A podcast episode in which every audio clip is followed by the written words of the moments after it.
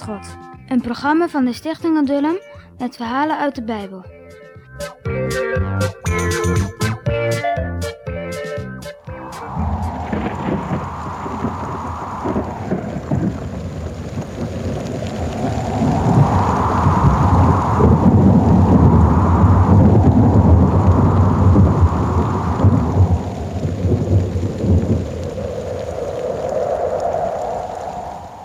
Egyptenaars werden bang.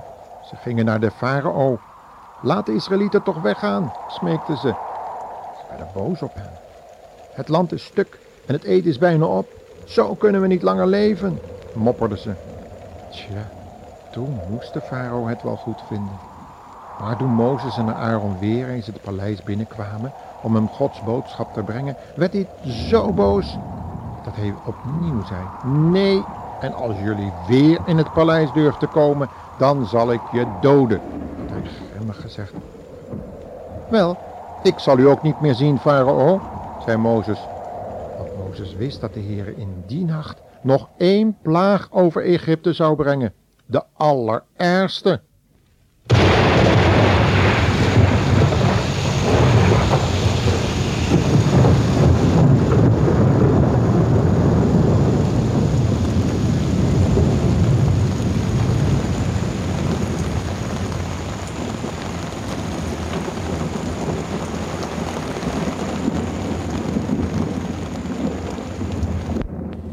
Het is paasfeest. De Israëlieten zijn gewend om een offerlammetje te slachten en ongezuurde koeken te eten.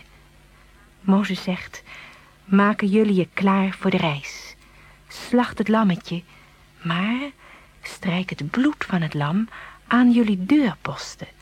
Vannacht zal de doodsengel door Egypte gaan en alle eerstgeboren jongens doden.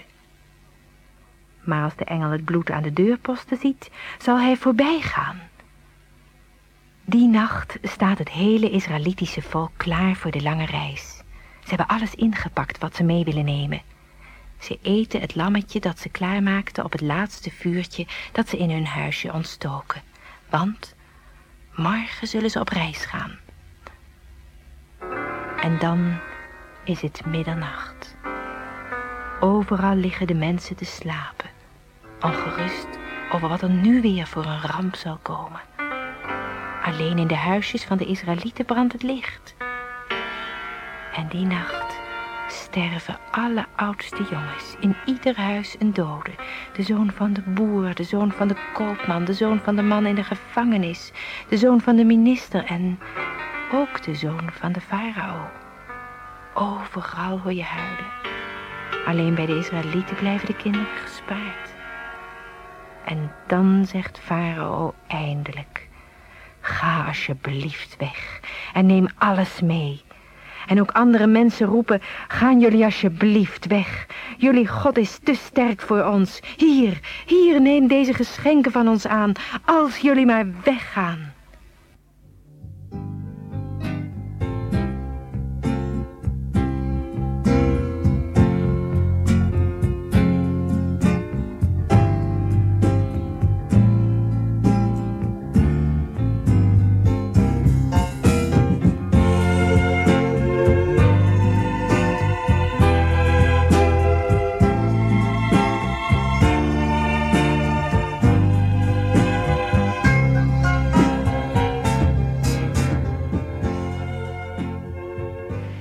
Israëlieten pakken hun kleren.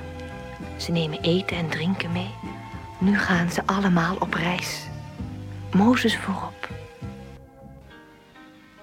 En nu zijn de Israëlieten vrij. Ze dansen van blijdschap.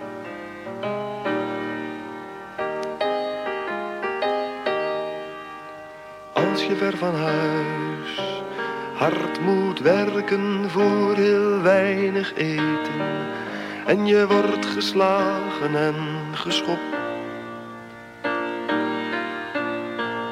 dan kan je je eigen land niet vergeten. Dan smeek je om hulp en bid je tot God. De mensen van Israël voelen zich in Egypte niet thuis. De mensen mensen van Israël willen graag naar huis.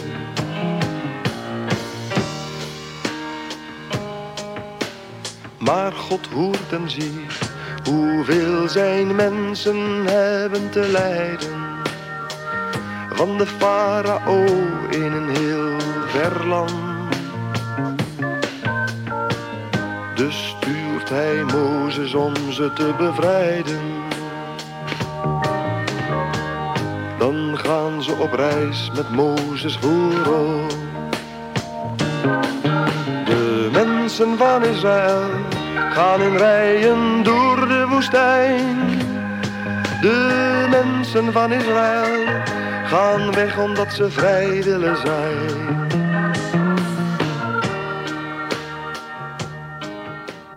Eindelijk mochten ze weggaan. Met hun kinderen, met hun vee. En alles, alles wat ze hadden. De Heere had hun gebed verhoord. Nu behoefden ze niet meer te werken voor de Egyptenaars. Ze werden niet meer geslagen.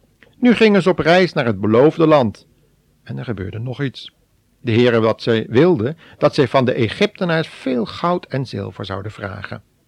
Eigenlijk was dat heel begrijpelijk, want ze hadden nooit loon gekregen voor al dat zware werk wat zij hadden gedaan al die jaren.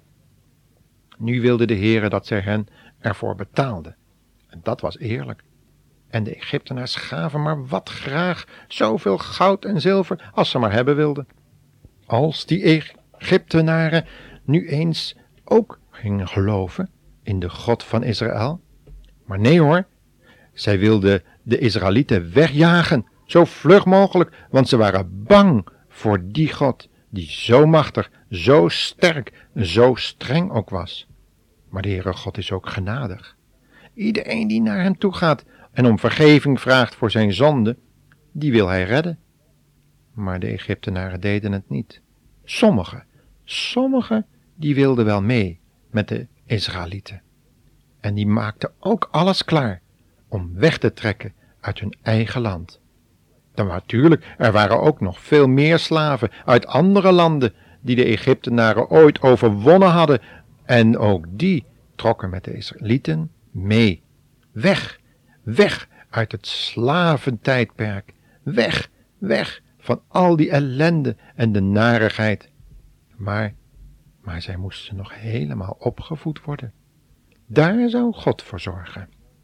Nu geloofden de Israëlieten wel dat de Heere Mozes en Aaron gezonden had om hen uit Egypte te verlossen. Nu waren ze eindelijk vrij. Wat is de Heere toch goed voor iedereen die zijn vertrouwen stelt op de Heere God, de Heere Jezus Christus. Weten jullie, de Heer Jezus heeft eens gezegd, jullie geloven toch in God? Geloof dan ook in mij, want ik ben God, die in het vlees, in een gewoon menselijk lichaam, hier op aarde is gekomen om mensen te bevrijden van de ellende die de macht van de duivel over de mensen heeft gebracht. Ik zal nu de quizvraag voor jullie zeggen. Hoe kwam het dat die engel van de dood het huis van de Israëlieten voorbij ging? Succes met de beantwoording van deze vraag. Tot de volgende keer, hè?